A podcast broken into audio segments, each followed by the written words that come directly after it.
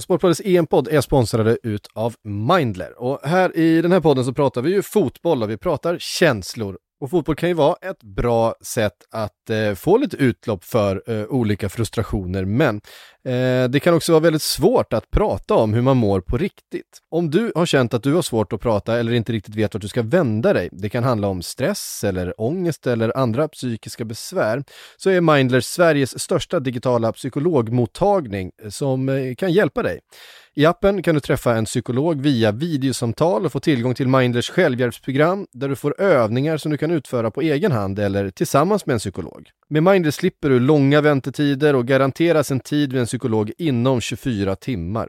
Ett besök kostar 100 kronor och det är en liten investering för något väldigt viktigt som din psykiska hälsa. Och Mindlers app, ja den finns där appar finns.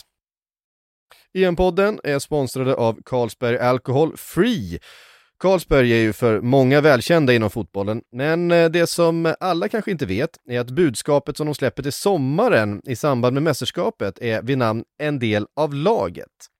Här vill de visa bredden av alla supportrar runt om i landet, för oavsett vem du är eller vart du befinner dig så är vi alla en del av den blågula väggen. Och för att visa vilka ni är så kan ni gå in på endelavlaget.se det är alltså en del av laget i ett ord.se och dela er bild för tillsammans så kan vi då heja fram våra landslag i sommar. Tack till Carlsberg Alcohol Free.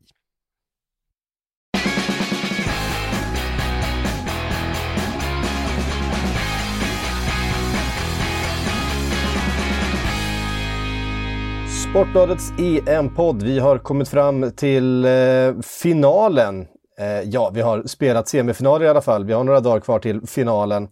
Eh, Makoto Asahara, Frida Fagerlund och Johanna Frändén, välkomna hit. Supertrion! Tack! Tackar. Tack! Superspridartrion? Eh, Nej. Superspridartrion, vi, får väl, vi får väl se. Du befinner dig i, eh, i karantän i London, eh, Johanna. Ja, så, ja. Tror, så är det. Du, du befinner dig utanför karantän i London, Frida. Ja, precis. Det stämmer. Så jag får röra mig lite mer än vad eh, Johanna får. Ja, och du håller dig hemma i Farsta, Makoto? Ja, faktiskt. Så att jag sprider nog inte så mycket just när jag är ensam i lägenheten. precis, det är bra.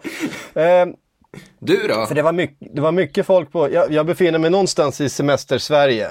Eh, långt, från all, eh, långt från alla folksamlingar så att jag tror att jag är, är, är lugn. Men, eh, Okej, så du fick, vara, va, du fick vara vag och hemlig men vi var tvungna att redovisa exakt. Samma sak. Jag sit, sitter, i en, sitter källare i Västervik just nu. Ja, det, tack så mycket. Det, det var bilden jag gles, behövde. Glesbygden.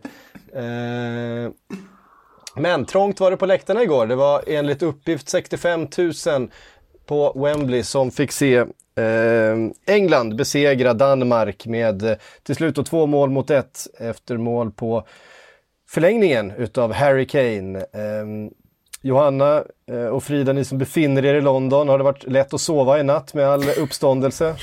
Nu när fotbollen är på väg hem? Nej, nu, eh, nu råkar jag ju bo på en, eh, en väldigt stökig gata även i vanliga fall. Så ni kan ju tänka er hur det var, eller ja, hur ljudvolymen var då när man har säkrat en EM-finalplats. Det var inte helt enkelt att sova, det kan jag lugnt säga. De firade nog på min gata fram, ja, till framåt fyra snåret ungefär. Jag tog mig in också, eller jag var ju inne vid Leicester Square och um, ja, där runt omkring efter slutsignal. Och det var ja men det är nästan svårt att, svårt att beskriva vilken hysteri det var och hur, hur glada alla var framförallt. Det var, det var bra stämning. Det var även bra stämning eh, ja, men på tunnelbanan när jag tog den eh, två stationer. Det var som att vara på ett partytåg på Ibiza eller någonting. Så att de, eh, de firar hårt redan nu så man undrar hur kommer det se ut om de vinner finalen. De kommer ju välta hela, välta hela London antagligen.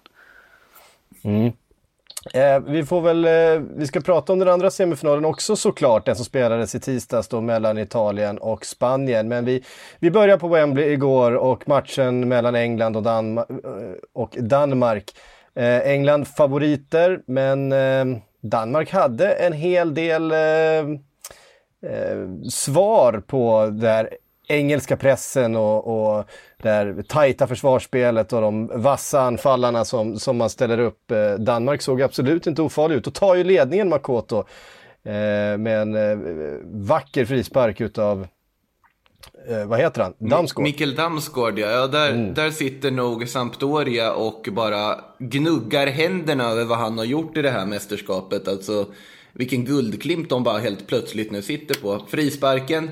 Man tänkte ju på Daysyk när Pickford inte riktigt når den där frisparken som inte är helt i krysset, men det är fortfarande en fantastisk frispark på alla Det är mer en bra frispark än en, än en, än en dålig räddning. Eh, det får vi väl ändå Jo, jo, jo, jo, utan tvekan, utan tvekan. Men, men en lång målvakt kanske? Ah, nej. Eh, otrolig frispark av Damsgaard som har gjort ett helt otroligt mästerskap. Lite förvånande när han mm. byttes ut. Jag, tyckte att, eh, jag tycker han byttes ut lite för tidigt, men det är väl också att han är ung, han är inte liksom samma erfarenhet och rutin kanske som övriga laget, men eh, har gjort ett helt fantastiskt mästerskap på alla sätt och vis när han gått in i den i Christian Eriksen-rollen och gjort det helt strålande. Men, men, har vi inte nyckeln där också? I hela matchen känner jag lite grann, just det här med bytena.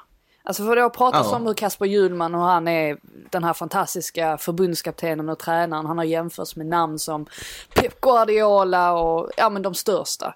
Thomas Tuchel.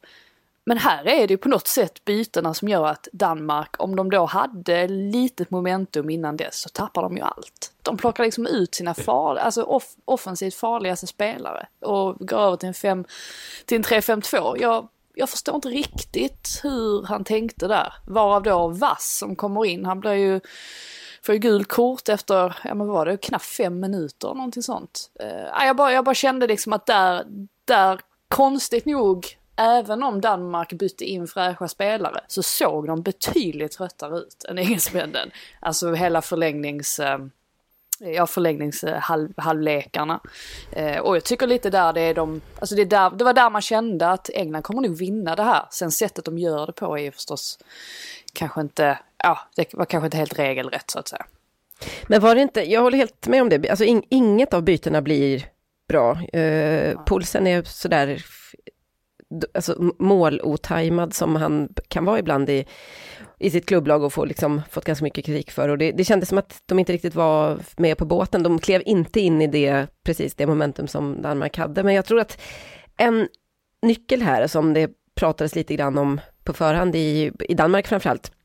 Jag lyssnade på husorganet eh, BBC podcast eh, där de hade med eh, Martin Laursen som på förhand lyfte det här att eh, danskarna är trötta liksom och de, även om gruppspelet var på hemmaplan så har slutspelet varit resa mellan, ja, Amsterdam var inte långt men hem igen, Baku hem igen, mm. London, till skillnad från engelsmännen som bara gjorde en, de gjorde en snabb avstickare till Rom, men sen har ju de, jag menar, de har ju haft ett otroligt mycket enklare schema. Och att det här skulle förr eller senare bli utslagsgivare och typiskt och i en match som går till förlängning. För egentligen sista andra halvlek så hade ju inte Danmark någonting kvar heller egentligen i, i benen. Så jag säger inte att det var bra byten, för det var det ju inte. Men det, det kan ju ha varit så att, det, att han nästan inte hade något val helt enkelt. Ja, nej, men så kan det förstås vara. Och sen så har de ju inte, de har inte den bredaste bänken. Alltså, nej, det får Englands, man ju vara ärlig och säga. Tittar man på Englands bänk så det är ju någonting helt annat att kunna kasta in Grealish och plocka av Grealish i samma match. Det är ju, eh, det är få förunnat att ha det så, så man kanske ska eh, ska vara eh, lite snäll ändå mot, eh, mot Hjulman. Men eh, just det där mm. ordet momentum, jag tycker att det, det präglade hela matchen på något sätt. Alltså det här, det, här, det här var en match som handlade om momentum och till slut så föll liksom momentumet åt Englands håll. Ja, och det, det, det, har ju gjort det under det här mästerskapet verkligen. De har haft den där studsen med sig som de så, i så många mästerskap alltid haft liksom på något sätt emot sig och lyckas lägga snabben för sig själva. Den här turneringen har de liksom lyckats hålla sig borta från alla sådana misstag egentligen.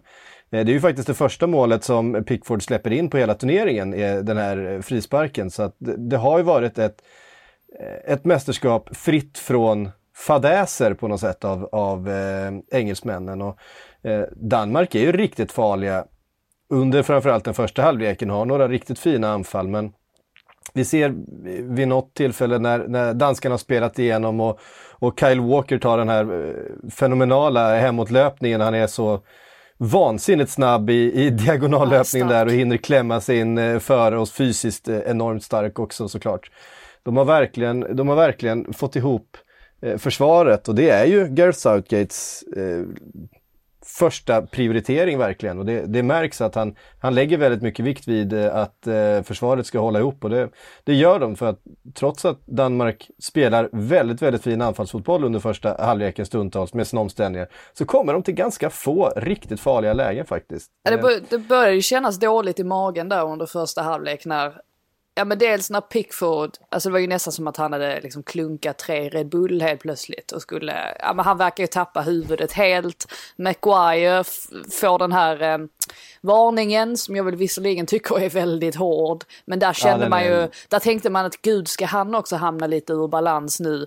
Eh, Rice och Phillips hade det väldigt tufft på det centrala mittfältet. Mm. Mm. Eh, då, spelarna där fram, de presterade kanske inte på, på sin högsta nivå förutom Kane då som jag tyckte var väldigt bra matchen igenom.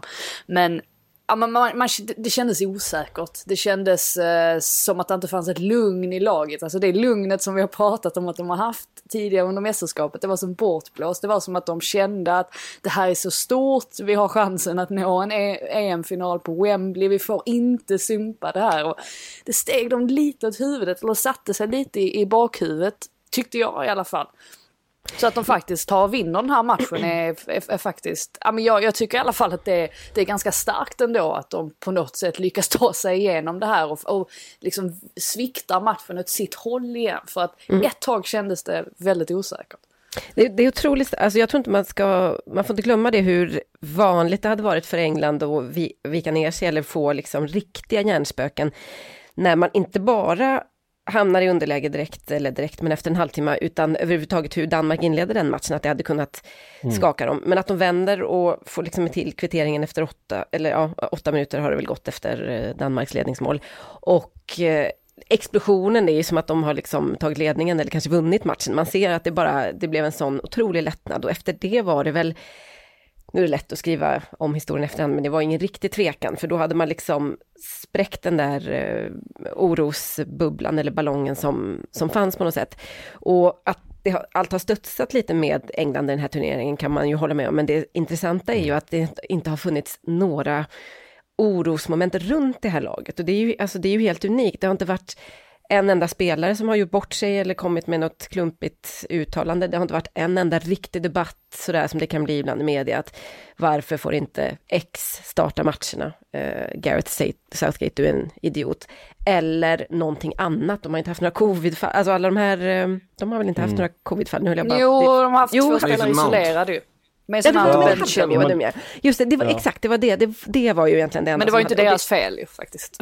Nej, men det hade ju kunnat liksom skaka om lite grann. Men jag menar att de har varit så otroligt, haft lite hjälp kanske också av, av uh, omgivningen, av media den här gången, som inte har liksom letat, eller så har de letat och inte hittat några, men det har inte varit några riktiga sådana eh, sidosnackisar, eller som hade kunnat bli potentiella bråk, eller de har inte behövt svara på några sådana ångestfrågor, eller ja, hur, hur tänker ja, ni kring känns... det här?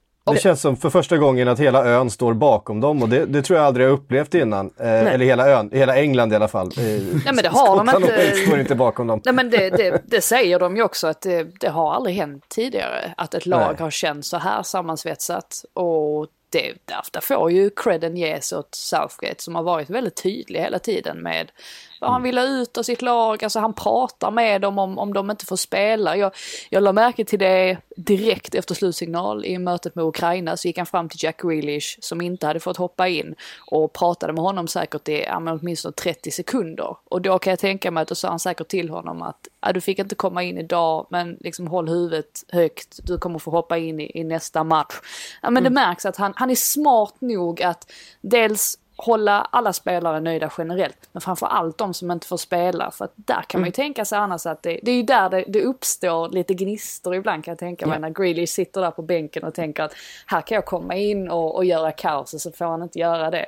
Um, så att, ja, väldigt skickligt av, av Southgate. Även om, För det ja. var ju just den debatten som man kanske hade kunnat förutspå, nämligen en sån in med Grealish-debatt och att det hade blivit, mm. de hade behövt bli lite defensiva där och han hade fått försvara sig och ja, det hade blivit lite stökigt i, i truppen och frågor om det och sådär. Men, men antingen så, precis, så har han varit eh, ett geni på kommunikation, jag tycker han är duktig på det, Southgate, men, mm. men också det faktum att någonstans så har liksom, jag vet inte, har engelska tidningar mognat lite? Kanske är det något sånt som har hänt? För det har... Ja, jo men det är det som är grejen. För, att, för jag känner inte, jag känner inte riktigt igen mig i den här bilden som finns kvar fortfarande av Eh, det är klart att det var inte så länge sedan som The Sun hade häxjakt efter Raheem Sterling och det var klart att det dyker upp en och annan märklig liksom, omslags, ja, etta emellanåt. Men jag tycker ändå generellt att det är ganska, det är ganska behaglig stämning mellan tabloider och landslag den här, numera. I alla fall den här turneringen har det varit det. Ja, mm. ja men verkligen att det finns någon sorts respekt och att man på något sätt har kommit över det. Och det är säkert för att spelarna har pratat öppet om det. Ja men som Sterling som faktiskt tog kampen mm. på något mm. sätt. Alltså att mm. han, han banade säkert väg för det att de ransakade sig själva. För att det är inte som att, alltså engelska journalister är ju inte, de är inte idioter. Alltså bara så rakt av och, och liksom, eh, ja alltså ger sig på spelare hur som helst. Ehm, så jag tycker definitivt att det har, det har svängt. Eh, lite mer, lite mer som Sverige skulle jag vilja säga att det har blivit. Men ett vanligt EM så hade ju alltså Grealish, Foden med liksom silverfrisyren och Sancho gett sig ut på en krogrunda och brutit mot karantänsregler någonstans runt liksom. Alltså det är helt uppenbart att i ett vanligt EM hade de gjort det och sen Thank hade de you åkt covid, det är det du försöker säga. Det hade, nu gick det liksom inte. Mm. Men jag tror också att det är för att vi har en annan, vi har en, en ny generation engelska fotbollsspelare. De här mm. är ju faktiskt inte sådana. Alltså Phil Foden, Declan Rice och de här, de har ju aldrig smakat på öl i hela sitt liv. Ja, fast, fast, Foden nu, nu får vi, nu, Ja, precis. Eh. Nu får vi komma ihåg att det var faktiskt en incident på Island för inte sådär jättelänge. Mason, ja, Mason Greenwood är ju faktiskt, han är ju inte med i truppen, han fick ju dra sig ur på grund av skada. Ja. Men där tycker jag också Southgate hanterade alla de kriserna alltså väldigt bra. Och samma sak med Harry Maguire efter den här eh, incidenten i Grekland. Att han var väldigt bra på att eh, alltså kommunicera med spelarna. Då har de ju berättat i efterhand att Southgate höll ju kontakten med dem väldigt tätt under den här tuffa tiden. Så där har han säkert också skapat ett väldigt starkt band till spelarna. Så att, ja, han, är, han är smart helt enkelt. Alltså det är, Men en smart det känns, det finns liksom någon sorts sympati tycker jag över Southgate som inte riktigt brukar finnas på liksom engelska förbundskaptensposten och samtidigt kombinerat med liksom väldigt god taktisk kunskap. Att det är inte ofta ett engelskt lag heller kan liksom variera mellan trebacks och fyrbacks på det sättet Southgates lag kan. Det är inte ofta du har en tränare som ändå ger ett så pass liksom städat och lugnt och sympatiskt intryck på alla sätt och vis också tänker på spelarna. Jag tror verkligen som du säger Fri att hans intåg har väldigt mycket med att göra för jag tyckte man såg något harmoniskt över även i VM-laget 2018. Så att... Uh... Ja. Sen är det väl så att, verkar... ja, förlåt, jag, jag tror att han, han vann mycket respekt uh, i VM senast med tanke på att mm. det ändå blev en mm. semifinal. Och det har gjort att han har varit lite skyddat, skyddat mot uh, kritik i det här mästerskapet. Jag menar, det hade Eng, vi ska inte göra oss några illusioner, hade England åkt ut i åttondelsfinalen så hade ju bödlarna varit framme, det är inget snack om det mm. liksom. Nu mm. har de inte gett eh, tidningarna några skäl att hugga Nej, och det är, ju, det är ju det andra liksom, mm. anledningen till att det ser ut som det gör. Så länge, ja, så länge alltså, man vinner matcher så, så är det ju ja. lugnt. Ja, och de har, de har ju ett väldigt bra lag dessutom, England. De har ju faktiskt det bästa laget som de har haft på i alla fall 15 år. Mm. Eh, och den förra så kallade gyllene generationen, det var ju ett gäng som absolut inte tyckte om varandra, som, som inte kunde komma överens och dra jämnt. Eh, det här gänget gör ju verkligen det. Eh, de verkar ju tycka om varandra genuint.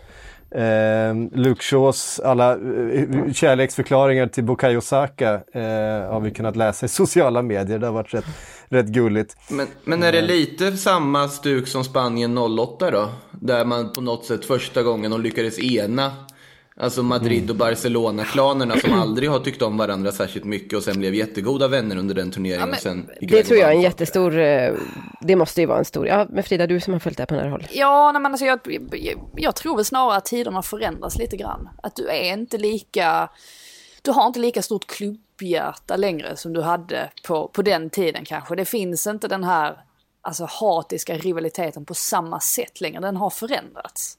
Så jag tror mm. helt enkelt att det här är ett, alltså att hela fotbollen har mognat på den punkten på något sätt. Och att de här unga spelarna, får ju komma ihåg det också, att alltså det som England har gjort också under de senaste, alltså det senaste årtiondet. Det, det är rätt kul för att man brukar säga det här att ja men engelsmän de, de vill aldrig kika på vad andra gör utan de är så, så inskränkta och fokuserar bara på sig själva. Men England har ju tagit jättemycket inspiration från exempelvis Tyskland och hur, eh, hur de har eh, alltså fått fram nya alltså, spelare och hur de har styrt upp sina, sina ungdomslag. Och England har ju i princip alltså, tittat hur de har gjort och sen så har de gjort samma sak själva. Så att de här spelarna, många av dem, har ju spelat tillsammans sen de var ja, men 16 15-16 år, alltså i ungdomslagen. Mm. Och det är väl klart att det på något sätt alltså gör att en lagkänsla blir betydligt starkare om alla känner varandra. Alltså då, ja men det är ju, det är ju sådana grejer tror jag som ligger bakom mer än att, alltså jag tror inte de tänker på att de är Manchester United eller Chelsea eller sådär, alltså när de spelar i landslaget, utan då är de de killarna som har spelat ihop under väldigt lång tid. Mm. Eh, tillbaks till matchen där eh, Harry Kane efter en lite trög inledning på, den här, eh, på det här mästerskapet har kommit igång och var ju verkligen fokuspunkten i det, det engelska anfallet. Ligger bakom det första målet med en eh, väldigt vacker djupledsboll till Bukayo Saka och sen då ett, ett självmål. Är vi uppe i 11 självmål nu för, för EM? Va? Galet. Mm. Eh, det var, det var nio totalt på, de, eh, eh på alla EM-turneringar inför det här EMet. Det här var ju dock ett självmål för en gångs skull. Det är ju väldigt många av de här som man känner att det kanske inte borde ha kallats ett självmål. I det här fallet så kändes det som ett självmål. Och det var ju ett resultat av att England eh, gång på gång då kom runt ner förbi. Eh, det här var vis visserligen en djupledsboll men vi såg ju Raheem Sterling flera gånger helt enkelt runda sina backar. De hade, väldigt, de hade väldiga problem där Danmark och, och släppte till de flesta målchanserna de släppte till var just den här typen av bollar och så kom det ett, ett spel snett inåt bakåt och den här gången så styrdes den i mål. Och då fick eh, England precis det, den, eh, det svaret eh, på det danska ledningsmålet som man behövde och därifrån så kändes det nästan som att då, då, då kom hornen på något sätt tillbaka. Så därifrån så kändes det väldigt mycket som Englands match mm. från, från det mm. målet. Och, Eh, att det är Harry Kane som sen eh, på övertid slår den där straffen. Väldigt svag straff. Ja, han, han, var nog, han var nog nervös alltså. Jag, jag, jag var helt säker på att den här, den här bollar han upp i nättaket alltså. Jag har aldrig, jag har aldrig sett Harry Kane slå en sån dålig straff. Tror jag inte. Nej. Uh, uh. Men där och då kommer väl de där marginalerna in här att ja. en annat år så hade inte den där returen hittat rakt ut i fötterna på honom. Ska vi, ska vi förbjuda straffreturer? Jag tycker att det är ett fuskhandikapp faktiskt. Ja, det, det, är inte så många, det är inte så ofta man konfronteras med det, för ofta så går de antingen ut eller så fångar, ja, ni vet. Men mm. när de väl kommer så känner man så här, ska en sådär dåligt slagen straff verkligen få resultera i ett mål? Mm, jag är tveksamt.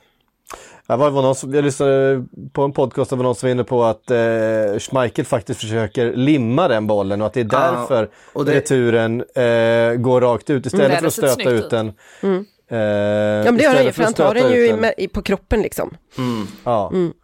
Och att han egentligen borde försökt bara styra ut den till en hörna eller ut eh, på en kant då. Eh, och att det är en, en liten målvaktstabbe faktiskt som gör att den bollen studsar fram till, till Harry Kane. Kasper Schmeichel som ju har varit så väldigt bra under den här matchen, gjort flera riktigt, riktigt avgörande räddningar. Eh, och eh, ja, ja briljant. Som... Ja, han var briljant igår. Nej, men det, det, och det är klart ja. att en, en, man får ju inte lämna en sån straffretur. Men jag menar, det går, med, utom den lilla detaljen så går det nästan inte att ha några synpunkter på hans eh, match och indeed hela hans eh, mästerskap. Vilken, snacka ja. om Ja, hela hans karriär. Jag skulle säga att Kasper Schmeichel är en av de mest underskattade målvakterna vi har i Europa. Han är uppe där bland de allra bästa i min, i min värld. Jag tycker han är så pass bra. Och det är också så tycker jag fascinerande, eller imponerande om man ser resan han har gjort, lite grann i alla fall utifrån.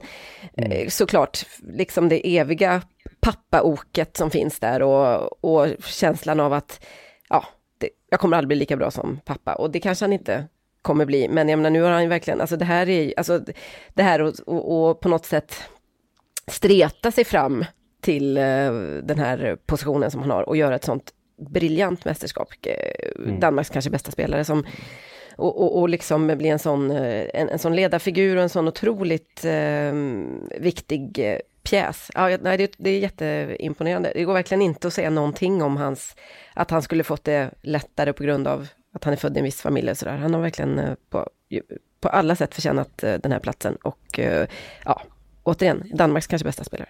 Sen måste man kanske också, alltså ja, man får nämna elefanten i rummet att det kanske inte var straff från första början. Det var, det var väldigt... Jag tycker det var straff. Det var, ja men du tycker det? Okej, okay, ja, men då är jag intresserad för att, det, alltså när man, när man lyssnar här borta, alltså det var ju ingen av de experterna, alltså vilka var det i studion? Det var Roy Keane, det var Gary Neville, Ian Wright, alltså ing, jag hörde ingen säga att det var straff. Men du, Sen, deras domar, vad heter det, domarexperten som de plockade in, han tyckte ja, att det var nej, straff nej, nej, på alltså, båda alltså, tillfällena. Ja, men, och, och måste, jag måste berätta historien om Peter Walton, för att det, ja. han, han, har en background story. Det är så att varenda gång, han, han jobbar även under Premier League-sändningarna. Varenda gång Peter Walton kommer in i, i sändningen, de ger honom utrymme, så vet man att det han säger, då blir det tvärtom. Varen, varenda gång. Det han säger, då dömer domaren tvärtom. Så det har nästan blivit en grej att, att folk, jag tycker nästan lite synd om honom för att folk hånar honom för att han alltid får det fel, alltså alla beslut. Så att jag, varje gång Peter Wolton säger någonting så lyssnar man med ett, man får vara lite sådär, ja ja, man får ta det med en nypa salt på något sätt. Men, det blir säkert äh, jättebra Peter. ja, däremot så såg jag att äh, Mark Lattenberg som, han jobbar ju som äh, ja men lite så skribent för Daily Mail. Han uttalade sig också om den här straffsituationen och han menade på att eh, VAR inte kliver in och ändrar det här beslutet för att den inte är clear and obvious. Och där kan man ju Nej. kanske ha en diskussion också. Är den, är den clear and obvious? För att jag tyckte det såg ut som att det var ganska många som förväntade sig att VAR skulle kliva in och ändra på domslutet.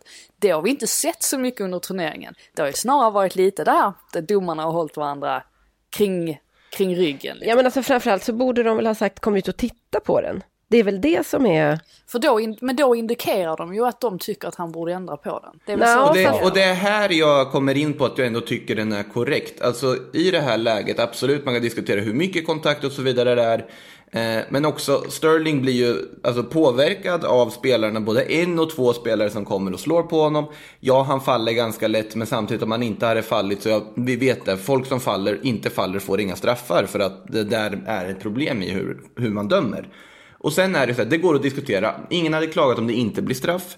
Man kan klaga inte om det blir Det tror du inte eller? Ingen hade klagat på Wembley till exempel om det inte hade blivit straff. Nej, nej det var väl, det var väl kanske lite en överdrift. det hade nog bara passerat, alla bara ja, ja, nej, det, det är lugnt. Ja, det... det är ju bara en jävla EM-semifinal, inget att haka upp sig på. Nej, det är lugnt, det är lugnt. Show must go on. Men, men, det som, men, äh... men det som ändå gör att, att det är inte så att man sitter och, och, tycker att det är orättvist att England vann. Alltså det är det jag tycker Nej. är så intressant när man tittar på, på sociala medier och sådär nu att folk hatar ju verkligen England tänker jag. För att de hänger upp sig så extremt mycket på den där straffen. Tyckte ju ändå att det är klart att det är, ett, det är ju ett alltså horribelt sätt för Danmark att åka ut på med tanke på vilken fantastisk turnering de gör. Samtidigt så, ja men alltså vad, vad landade egentligen England på i antalet skott? Ja men det, det var ju sådär 21 målchanser kontra 6. Ja. Alltså, det, jag, det, nästa, jag menar, var det inte snarare så att eh, det, det hade kunnat bli ännu mer eh, skrik kring den här straffen, i min känsla i alla fall. Nu om det hade varit ett annat lag, eller jag vet inte om det hade varit, eh, säg att det hade varit Sverige till exempel, att man hade blivit vansinnig. För jag menar, det är ju inte en, det är ju inte en skandalöst dömd straff, det kan vi vara överens om. Den, jag menar, det, det är ju... Fråga, fråga skott, skottarna, såg ni, såg ni vad Metro Scotland, vad de ja, körde för, för omslagsbild? England diving to the finals. men, det, men det, egentligen är väl det intressanta, det som jag tyckte, och det som Jonas Eriksson tog upp också, att eh, vad har man sagt på förhand? Man har sagt att det här EMet ska inte dömas några lätta straffar. Eh, vi ska inte ha, det ska inte vara nivån, nivån ska inte vara att man får straff för någonting tveksamt. Och i det perspektivet så mm. menade ju han att, att ribban har hamnat för lågt i det här mästerskapet. Och det, det, det, tycker jag man, det tycker jag är liksom en allmän åsikt som man kan sympatisera med lite grann.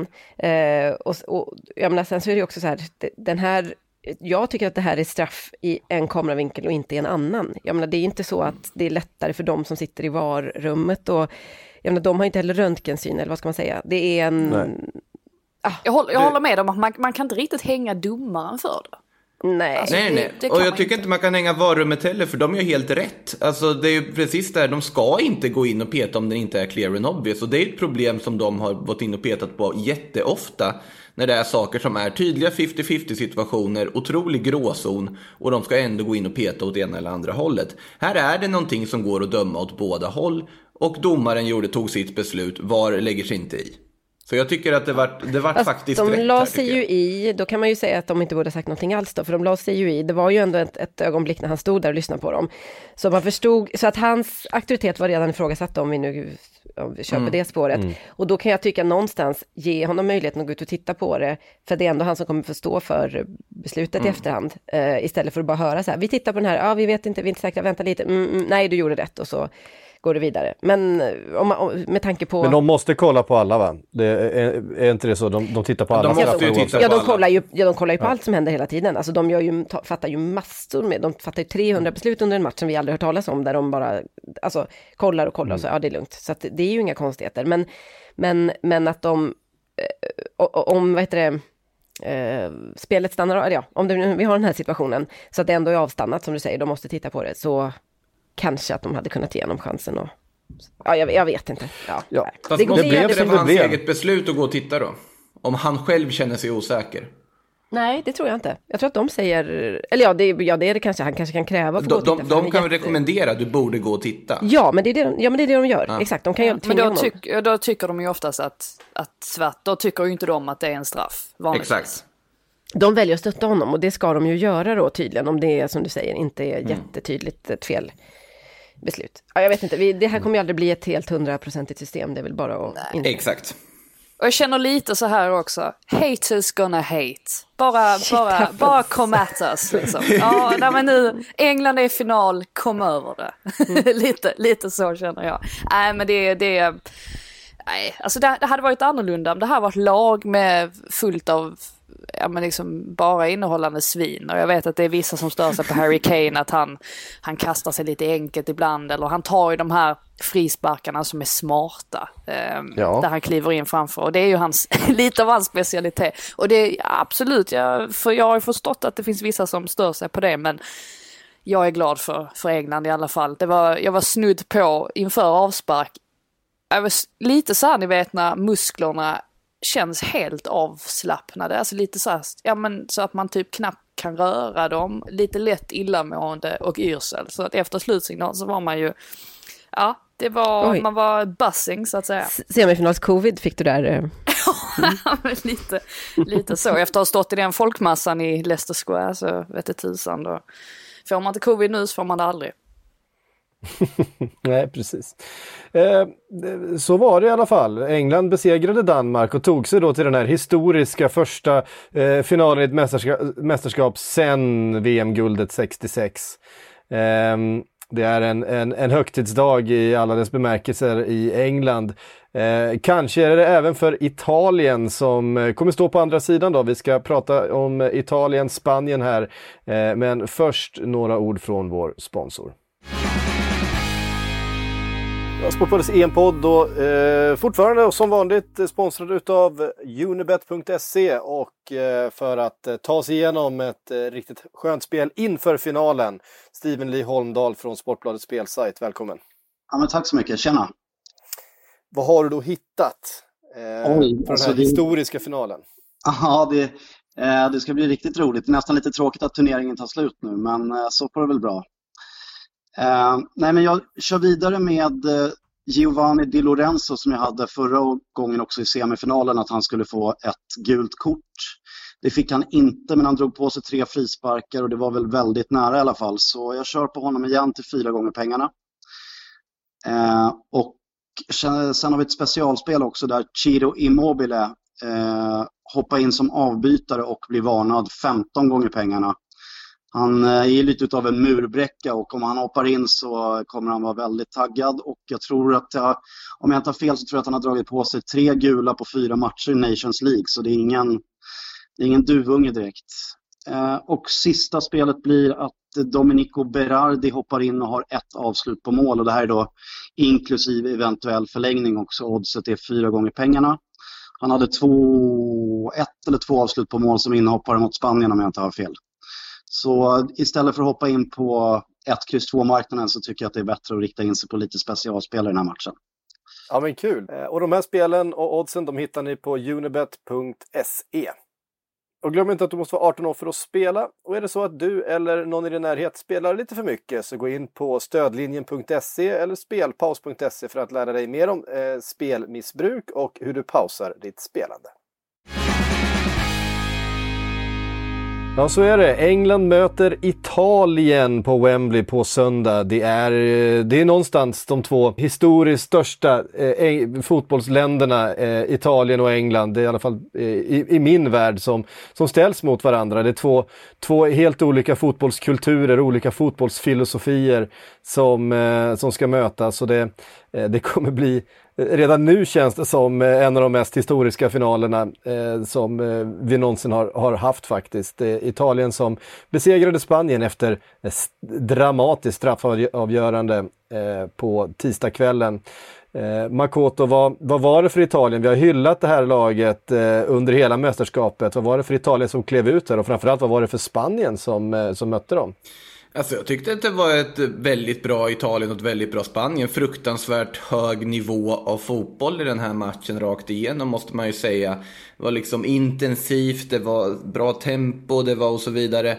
Skapades chanser. Men eh, i grunden så märks det att det här Spanien, de är för uddlösa när det kommer till den här sista tredjedelen. Det har ju varit ett problem under hela mästerskapet egentligen. Det finns en anledning till att de tog sig så långt de gjorde baserat på att de, ja, de spelade oavgjort i fem av sex matcher. Det är en seger och fem oavgjorda om man bara tittar på ordinarie tid. Det är ett Spanien som har jättemycket kvalitet på olika sätt och vis. Alltså, titta bara på liksom mästerskapet Pedri har gjort på mittfältet. Han, är helt, han har inte direkt försvagat sina aktier, den supertalangen. Eh, alltså bollskickliga fotbollsspelare som är otroligt också förvånansvärt samspelta med, men de hittar inte det där sista lilla, lilla, lilla edgen. I den här semifinalen då är det Oyarzabal som eh, tar liksom Gerard Moreno-rollen i att bara bränna saker. Sen kommer ju Alvaro Morata in och gör den här kvitteringen efter att Italien då tagit ledningen tidigare. För Italien skapade ju mindre chanser, men de skapar kvalitativa chanser. Det är chanser som känns farliga. Väl när de kommer till anfall, då tar de sig till riktigt bra lägen. Spanien hade lite mer problem med det tycker jag. Men också väl när Spanien hittar lägen, då bränner de allt som oftast också. Och sen straffläggningen kändes ju som att den var menad för Italien, för den... Där satte ju Chiellini tonen, mer eller mindre direkt. Mm -hmm. um, det Fan vad härlig han är alltså. Är, är han, alltså han är så älskvärd som spelare. alltså, som spelare vet jag inte om han är så älskvärd annars, men han är ju så... jo, det är, en sån där, det är en sån där kille som man älskar och hatar om man håller Exakt. på det andra laget. Absolut. Det, det är Absolut. omöjligt att... Och, ja, alltså han kan ju varenda trick i boken. Det, det, finns inte ett trick han inte kan. Sen tar han ju fram ett helt nytt trick här. Det är ju i liksom så här, psykningarna inför straffläggningen som är, är helt fantastiska. När han har en otrolig laid back attityd bara skämtar med Jordi Alba som uppenbart känner, sig, känner jättejobbigt att uh, Chiellini håller på där och gaggar. Liksom. Ja, den boxar honom på axeln och rufsar om honom i håret. Och... Kramar om han lite och håller på ja. Det, och, sen, och sen straffläggningen så måste, kände man ju när Alvaro Morata kliver fram där på den där straffen för Spanien att nej, låt inte honom missa. Alltså, han har varit så ifrågasatt, det har varit ett så tufft EM på alla sätt och vis för honom att liksom ingen vill ha honom i startelvan förutom, förutom Lucho. Han blir bänkad från ingenstans när Lucho frångår sin princip och Morata plus 10 i startelvan. Och så gör han det riktigt bra, kommer in och gör ett jättefint 1-1 mål. Han har tagit dem till den här straffläggningen. Men sen var det ju så uppenbart att han kommer bränna den här straffen. Jag tyckte det var, jag tyckte det var tjänstefel av eh, Luis Enrique att ge honom en straff. Jag tycker att där får man ta mm. ett och det menar jag på allvar. Jag tycker att där får man någonstans, jag fattar att det är, det är stressigt och det är mycket känslor och man tänker bara på, på liksom resultatet. Men där måste man ju ta ett litet mänskligt ansvar och tänka, vad sätter vi på spel här? Om han missar liksom, ska jag ge, ska jag utsätta eh, Alvaro för den risken. Och vad är risken dessutom? Och det såg man ju när han gick fram. Han hade ju kunnat ropa tillbaka honom och bara nej, nej, vänta, stopp där halvvägs, du ska nog inte slå den här. Nu såg han kanske bara honom ryggen på, men alla vi som såg när han gick fram såg att det här, det osar ju bom Fast om den här. Han, han måste väl ha sagt själv att han vill slå en? Ja, givetvis. Att, ja, det förstår jag väl att han har gjort. Men ja.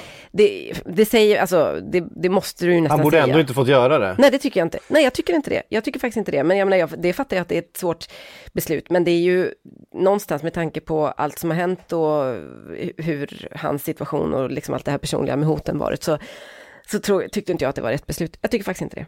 Mm. Hela arenan ser ju att han kommer missa den. Ja. Eh, det, det är allt kroppsspråk, alltså den kroppsspanskan han pratar på väg fram till, eh, eh, fram Den- till straffpunkten. Den gamla spanskan. ja, men den kroppsspanskan är ju, den, den kan alla. Eh, och alla ser att det är, det, han, han är ju en märklig spelare på det sättet han kliver ju alltid ut på plan med ett minuspsyke. Eh, och sen så kan han ibland då liksom jobba till sig ett självförtroende under matchen om det stämmer för honom. Men han, han kliver ju aldrig in med ett, med ett högt självförtroende, till skillnad från i stort sett alla andra forwardskollegor som finns i den europeiska toppfotbollen. Han Kan- är ju kan- kan tänka speciell er- på det sättet. Kan ni tänka hur högt vi hade rankat honom om han faktiskt hade haft ja, men lite mer av ett guldfiskpsyke som Rafael Nadal brukar säga. Alltså där man liksom Ja. glömmer bort dem och man kan skaka av sig ett misstag. Då hade vi nog sett honom haft- som en av de absolut bästa. Ja men hade han haft liksom eh, Hålands Haalands reptilhjärna så hade han ju varit där uppe. Eh, en kille som bara har sån total övertro på sig, på sig, sig och sin förmåga att han, han kommer sätta varenda boll liksom. Det spelar ingen roll. Eh, han börjar ju den här matchen när han väl kommer in då med att springa rakt ut över kortlinjen med, med en boll. Och man undrar, Alvaro, nu, nu är vi här igen. Och så bl- blixtrar han till och det är ju han på egen hand som skapar, visserligen ett fint samspel med eh, Dani Olmo som var väldigt bra, men skapar den här kvitteringen. Eh, och där har han på något sätt eh, eh, redemption igen, då är han tillbaks. Då har han liksom bevisat sig en gång och det, han fick göra det. Där skulle han ju liksom bara att han skulle byts ut igen liksom. Här Alvaro, nu har du gjort det här. Tack, gå, gå, gå duscha. gå duscha och hoppa i pyjamas och se resten av matchen från sängen liksom. Eh, Jag, jag väljer ju hellre Alvaro Morata än Kiro Immobile, får jag ju säga just nu. Alltså, i, ja, i, Immobile har ju inte haft något starkt mästerskap, det har han inte. Nej, det är väl är inte det ganska, vi kanske ska prata lite mer Italien, men är inte det ganska sensationellt? Men man tänker att ett, ett Italien som lyckas generellt sett är ju att de har ja, men en ganska defensiv uppställning och så är, startar de mästerskapet lite slött och så liksom taktar de upp var, varefter det lider och så har de liksom i alla fall en striker som gör alla mål. Och det här är bara så upp och ner. Han har inte gjort han har inte satt en fot rätt känns det som. Jo, han, han gjorde väl något mål där i gruppspelet, men det är inte många. Det är ju allt annat som funkar i Italien faktiskt. ja, men, Ja, Ja, vi får prata om det här i Italien då som faktiskt gick, gick vidare. Det var de som vann efter den här eh, straffläggningen. Eh, eh, Chiesa igen, matchavgörande. Vilket Ja. italienskt mål framförallt. Var det inte väldigt mycket Italien över det där och vika in på, på det sättet? Det var snyggt. Väldigt mycket Olivia Skog över att vika in från kanten och avlossa kände jag. Dag, Ja. Dagens bästa referens. Bra, Makoto. Eh, ja, men väldigt, väldigt bra. Eh, ett Italien som ju har spelat med, med fart och fläkt under, eh, under hela det här mästerskapet men som i den här matchen då stannar på 29 bollinnehav. Eh, tajtar till, gör det svårt för Spanien. Det var väl lite mer italienskt Italien kanske i den här semifinalen än, än tidigare matcher, eller? Ja, fast det Ja. blir ju så mot ett lag som Spanien. Alltså att Ja. om, om du möter Spanien så kommer du räkna med att du kommer få vara lite mer tillbakatryckt. Men samtidigt så är problemet med det här Spanien är ju att de trycker inte tillbaka så att det faktiskt känns riktigt, riktigt farligt. Och det är ju så att, alltså sett till spelarmaterialet, sett till den här gruppen, att de tar till en semifinal tycker jag är över förväntan. Men jag, jag tycker också att det är, jag menar det här var Spaniens klart bästa match. De fick eh, ordning på, alltså det var en helt annan eh, shining över dem på något sätt. Och man såg att de ville anfalla och det var, även om det inte var kändes livsfarligt och de inte har någon klinisk eh, nia eller falsk nia, för det har de ju inte, så var det ändå ett mycket, mycket bättre Spanien. Och fint tycker jag när man tittar på de här semifinallagen att alla, både de som har åkt ut av Spanien och Danmark, kommer hem med nytt självförtroende. Alltså spanska reaktionerna efteråt var ju väldigt positiva. Äntligen, ni gav oss, ja ni lämnar med stor ära och Spanien som har framtiden för sig och jag menar det var ju inte de tongångarna efter 0-0 mot Sverige och 1-1 mot Polen till exempel. Så Nej. att de, de, de gick ju verkligen också, klev också av i turneringen i ett läge där de kan åka hem utan att skämmas. Eh, Danmark givetvis liksom hjältar eh, oavsett vad som hände igår. Så att eh, någonstans så är det ju, mm, det, det har inte varit så, det var inte så smärtsamma uttåg i semifinalen som det ofta blir. Gjorde inte typ alla lagen i kvartsfinal åkte väl ut på det sättet också egentligen? Jaha, då ska vi se här då. Nej, men alltså, Ukra- Ukraina, Ukraina vet Ukraina var ju ja. Mm. bedrövliga, men samtidigt så, ja, de mötte England, vad ska de Ja. göra? Schweiz var hjältar på alla sätt och Ja. vis. Belgien, ja, det var liksom synd, ni var nära, men det gick inte. Det var Mm. inte det här året. Och sen, vad var den sista då? Kroatien, Ja, Tjeckien såklart. Span- Jaha, förlåt. Mm. Ja. Tjeckien mot, Så mot liksom, Danmark. det var- alla fiaskon åkte ur antingen i gruppspel eller åttondelsfinalstadiet. Ja, Kanske i och för sig är rimligt bra med tanke på att de har kommit längre i turneringen. Men... Ja, men alltså Belg- Belgien är väl det, möjligtvis det som inte riktigt, de kanske inte kom hem till jubel och Nej, inte folkets riktigt kärlek. jubel. Men, Det lär de inte göra, nej. nej. men i övrigt så stämmer nog det. Ja, det har varit ett snällt EM, väldigt så. Eh, alla, alla får god, eller alla får Alla en goodiebag. Ja, alla får. Alla firar. Eh, och Italien kommer nu möta, möta England i den här finalen. Vad, ja, vad säger man? Det, det är ju en drömfinal för mig i alla fall. Det här är ju, det, det blir liksom inte, ett EM kan inte bli tyngre än så här på något sätt. Jag vet inte. England mot Italien. Det är ju, det är de två grund, liksom grundskolorna för fotboll som, som ställs mot varandra här. Nej men det stämmer nog. Jag tänkte precis på det innan. Vilken, vilken final hade slagit det här? Eller hade det, finns det någon annan duo eller någon annan kombo som hade känts eh, mer liksom? Frankrike-England. Ja, Med Oh, tanke eller på rivalitet, Tyskland, England. rivaliteten Ja, alltså- mellan Mm. alltså just Ja. England och Frankrike. precis. Alltså England, alla andra stora länder i Europa är väl... alla länder har, så, men alla bråkat Portugal. med eller krigat mot. eh, Nej, Spanien, Portugal, det är, för, det är för lokalt. Sorry, men det, är inte, det intresserar inte... Den, den rivaliteten är, väcker liksom inte Eller det, ryssar. absolut, den väcker ju inga känslor eh, i de flesta andra länder än Spanien och Portugal, så är det ju. Nej, precis. Nej, det Nej, finns, men det väl finns ju något i. Holland, Holland eh, Tyskland också som har utkämpat många eh, brutala matcher genom åren. 74-glansen där ja. Men det här är, nej jag, jag, håller, jag säger som du Frida, kanske ett Frankrike-England, men jag, jag, jag håller med, det här är, alltså fotbollsmässigt så är ju det här två tyngdare på, på helt olika sätt. Jag menar, Italien är, är ju ett mer, faktiskt mer, de har ju mer klassiska fotbollsframgångar än till exempel Frankrike, som vars, eh, vars liksom landslagsframgångar är lite mer nutida. Och England med sin långa torka av, av Mm. och, och, och besvikelser och så. Nej, det här är en jätte, jättebra, en jättebra final. Dessutom, två, alltså, de två länderna som i Västeuropa i alla fall, som är mest, har varit mest drabbade av covid, eh, de två länderna som kanske har, där det här varit den största tragedin, eh, två landslag som har haft folket bakom sig från start på ett sätt som inte alltid kanske är fallet och två landslag som lyser av harmoni. Jag menar, Italien har inte heller haft några skandaler eller missöden på vägen. Det har bara varit eh, glädje och, och jättemycket liksom kärlek. Det är två, två länder som också på något sätt har byggt något nytt om man jämför med det de hade innan. Alltså England, ja det bygget började Mm. ju redan inför 18, men Italien, de var ju inte med 18, det vet vi ju alla som, Nej, som följer Sverige. Och de har ju byggt något helt nytt, alltså många av de här absolut mest tongivande spelarna som man tänker att ja, men det här är ju riktiga världsklasspelare. De har ju ingen riktig koppling till mästerskap och landslag. Alltså Insigne, Immobile, Barella.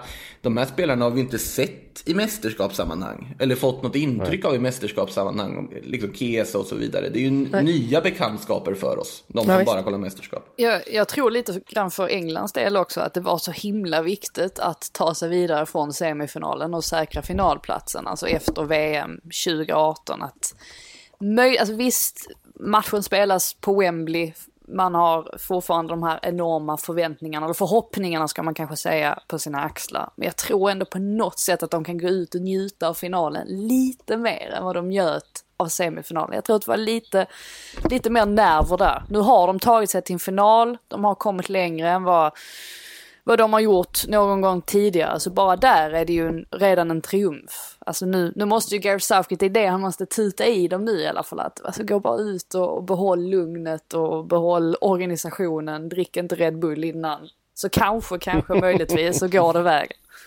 Ja. Eh, Johanna, vi måste prata om Jorginho eh, som är i centrum för det här italienska laget verkligen och, och den konstanten, jag hörde Nicky Bandini på The Guardian, eh, kanske något seger, i, i viss segeryra där precis efter Itali Italiens avancemang, eh, ropa om, eh, om Ballon d'Or för Jorginho som ju inte bara då har tagit sig till den här EM-finalen utan också vunnit Champions League då med Chelsea. Eh, han är verkligen i, i superform och det, det mesta kretsar runt Jorginho i det här italienska laget just nu. Klockan och urverket på något sätt i det här laget. Och mm. eh, kanske också, jag tänker om man tittar tillbaka ett par år i alla fall, så var det väl Marco Verratti kanske lite grann som man höll som den eh, profilen på mitten. Nu har de ju ändå hittat ett sätt att kombinera de två eller spela med båda. Mm. Men, men jag tycker ju att Jorginho har varit eh, bättre och eh, också varit, eh, vad ska man säga, Alltså en, den, den straffen han slår, förlåt om jag hoppar till den, för ja. det går inte att tänka något annat. Ja, men alltså, den visar ju också på en sån jag, jag, kan inte komma på, vem, vem, vem fan slår en sån straff liksom? Vad är det för sjukt självförtroende i det läget? Ja. Hur harmonisk är man i sin fotboll när man klarar det? Man både klarar av att spela det här enormt eh, passningssäkra och eh, split vision-spelet han har i sig under matchen och sen sätta en sån straff. Det är väl inte samma kille som gör de två grejerna normalt sett? Jag är nästan lite så, jag, fatt, jag, jag, jag förstår inte liksom hur det går ihop. Men, ja, nej, Inverterad en, en... Morata. Ja, ja. lite så. Det ja. kanske man kan säga. Han, han, han, sätter inte dem alltid dock. Men, och då får, han kritik, då får han kritik för hur han slår sina straffar. Men så länge de går in så, så, så är det liksom lugnt hos, eh, ja. hos folket generellt. Nej, men det, han, han lyser verkligen av självförtroende och mm, det gör ju att, eh, en liten shoutout också till, till Emerson tycker jag som kommer in och ska ta den här Spinazzola-rollen. Spinazzola som kanske har varit hela, ja men en av mästerskapets allra bästa spelare. Eh, som ju drog av hälsenan där i, eh, i kvartsfinalen och så ska Emerson som, han startade två eller tre matcher för Chelsea den här säsongen. Eh, knappt spelat någon fotboll, komma in och Eh, och göra det jobbet och jag tycker han gör det riktigt, riktigt bra. Jag blev förvånad. Jag trodde att det han skulle bli ett... Han var, han var väldigt taggad. Jag, jag trodde det skulle bli ett större avbräck för Italien jag sa än, än vad det faktiskt var. Emerson, ja, du var inne på det. Ja, inte så dålig. Nej. Nej men det var väl jag som sa inte jag det också att han inte var... ja, ni sa det båda två. Ja, var, du, ni var jätteduktiga jag, på att säga jag, jag, det. Jag hörde en psykning, eh, eller en psykning, jag hörde en sågning ja. från dig psyk. ja, det var jag, jag var ju... Eh, jag var ju den som sa att det här, det här kommer bli tufft. Att, eh, jag, jag trodde inte Emerson hade det i sig att, eh, att axla den rollen, att vara så, så pass offensiv. För att det blir ju nästan en, en vad ska man säga, en 3-4 när vänsterbacken, för Di Lorenzo är ju inte alls offensiv på det sättet utan eh, halkar ju istället ner då lite grann och blir nästan som en tredje mittback när vänster, eh, vänsterbacken kliver upp så pass högt som Emerson flera gånger gjorde och framförallt jag, Spinazzola gjorde. Jag kanske inte alls försvarade Emerson så mycket, jag minns ärligt talat inte. Men eh, ja, men han var, det märktes i alla fall att han, han visste om att han hade ett stort uppdrag eller stora skor att fylla mm. och det, det gjorde han ju faktiskt delvis också. Han avgör finalen va? 1-0. Emerson. Ja. Jag, tror, jag tror att det blir en Harry, det blir en, eh, det blir en Kane eller en Maguire. Möjligtvis. Nej, jag, jag, tror, jag tror it's going Rome, måste jag säga. Det kan jag ändå säga rakt ut. Det, ja. det, det, it's going Rome. Gud vad bra. Ja. Ja, det, det, är inte jag som kommit på den, ska jag säga. Den har ju använt ganska flitigt överallt. Så. Uh, ja, det, det blir en, eh, en otrolig drabbning. Vad, vad, ja, vad finns det mer att säga? Hur ska ni ladda, ni som befinner er i London? Vad har ni för, vad har ni för metoder för att eh, kolhydratladda på något sätt inför den här finalen? pasta då kanske? Ja, exakt. Fish and chips och pasta ja. om vartannat.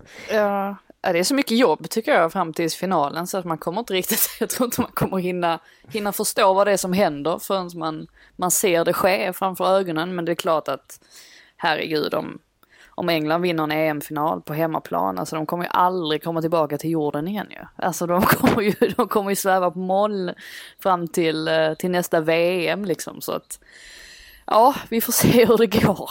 Man tar ingenting för givet i alla fall. Så. Jag hörde i alla fall, för jag hörde mig för lite med eh, britter och eh, bekanta här som hur, hur, hur, det kommer tas emot. Om det kommer vara, liksom, finnas några invändningar mot England om de vinner EM. Och det har ju tydligen redan börjat pratas lite om att ja, vi får vara beredda på den här debatten att vi hade alla matcher nästan på hemmaplan och det blev ett sorts hemma-EM. Eh, Wembley är väldigt svårt för något annat lag att gå in liksom på och så. Alltså att det fortfarande mm. kommer finnas den typen av eh, debatt då. Och att det ju inte är ett eh, VM. Det här var ju lite intressant. Jag tyckte det var ett ganska kul svar av Simon Kjær på frågan om eh, What are you gonna do to stop it from coming home? Och han, han sa ju så här, men vad, har det varit, vadå har det, uh, has it been home?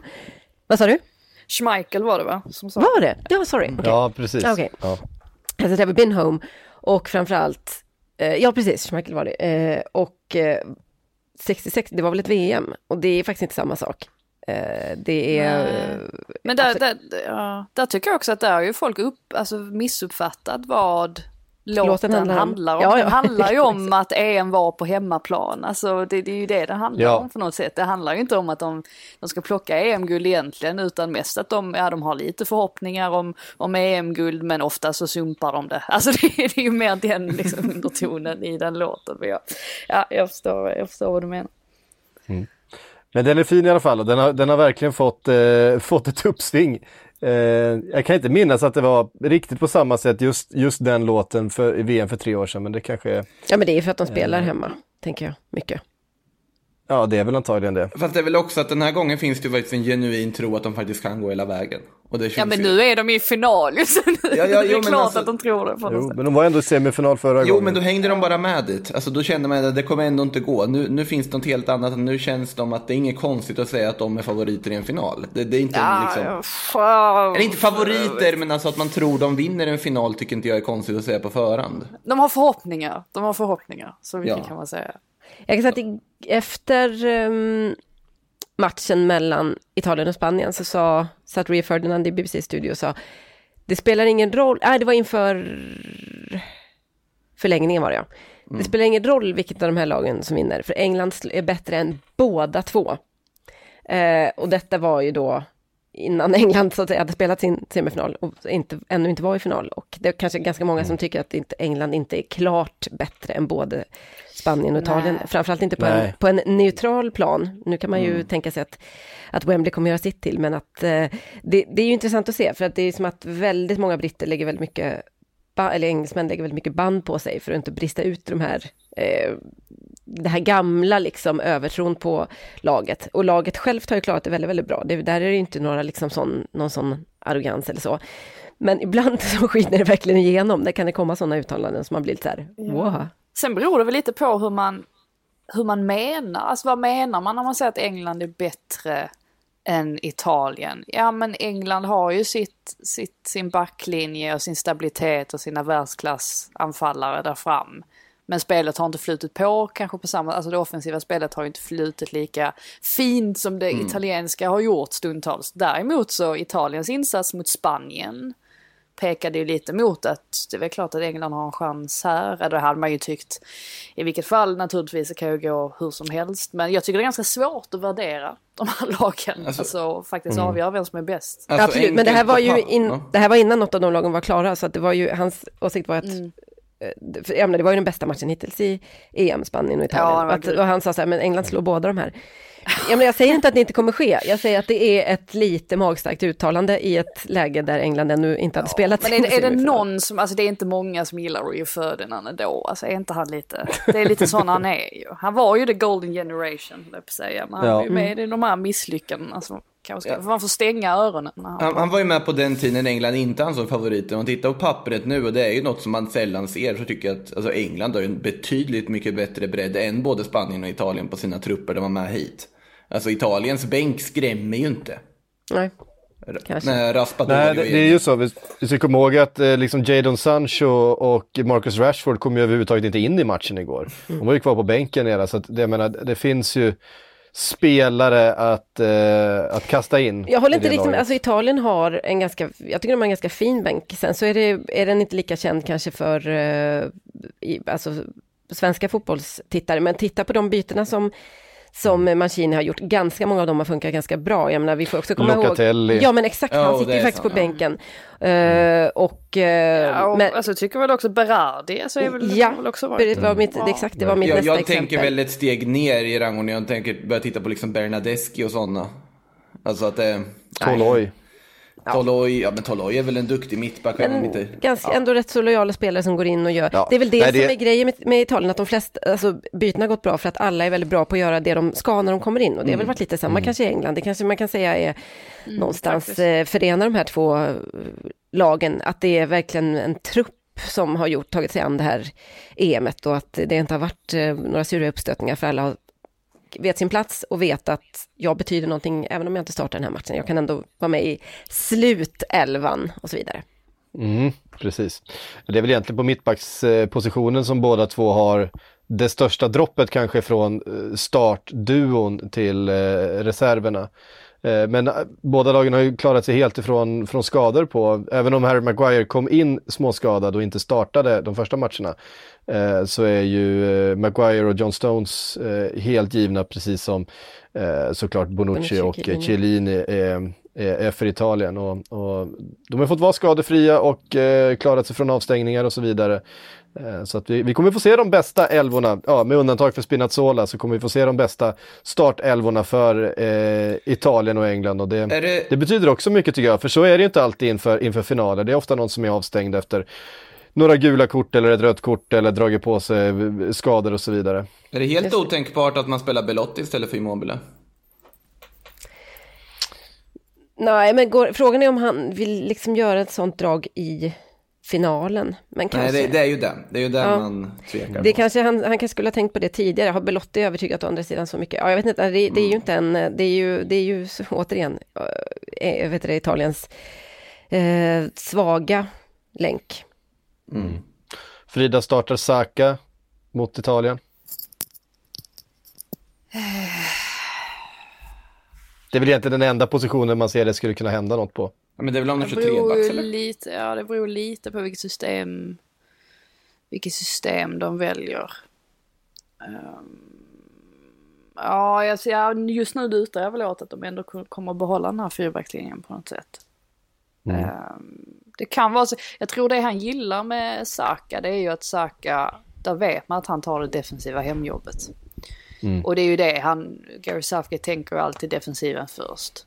Så att det, ja, det är mycket möjligt att det kommer att ske en förändring där. Jag skulle inte bli så förvånad för Saka hade inte sin bästa dag egentligen under gårdagen. Så att, ja vi får se hur han tänker. Det är spännande hur som helst varje gång startelvan släpper tycker jag. Både sett till vilken formation de kommer att spela med och ja, vilka spelare där fram helt enkelt.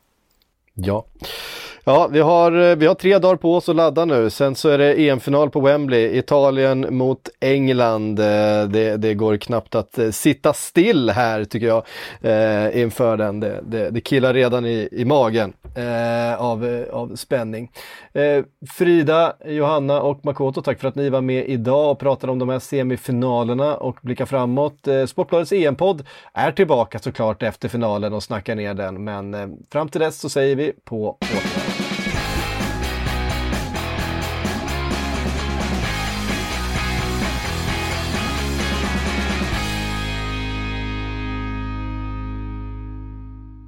Du har lyssnat på en podcast från Aftonbladet. Ansvarig utgivare är Lena K Samuelsson.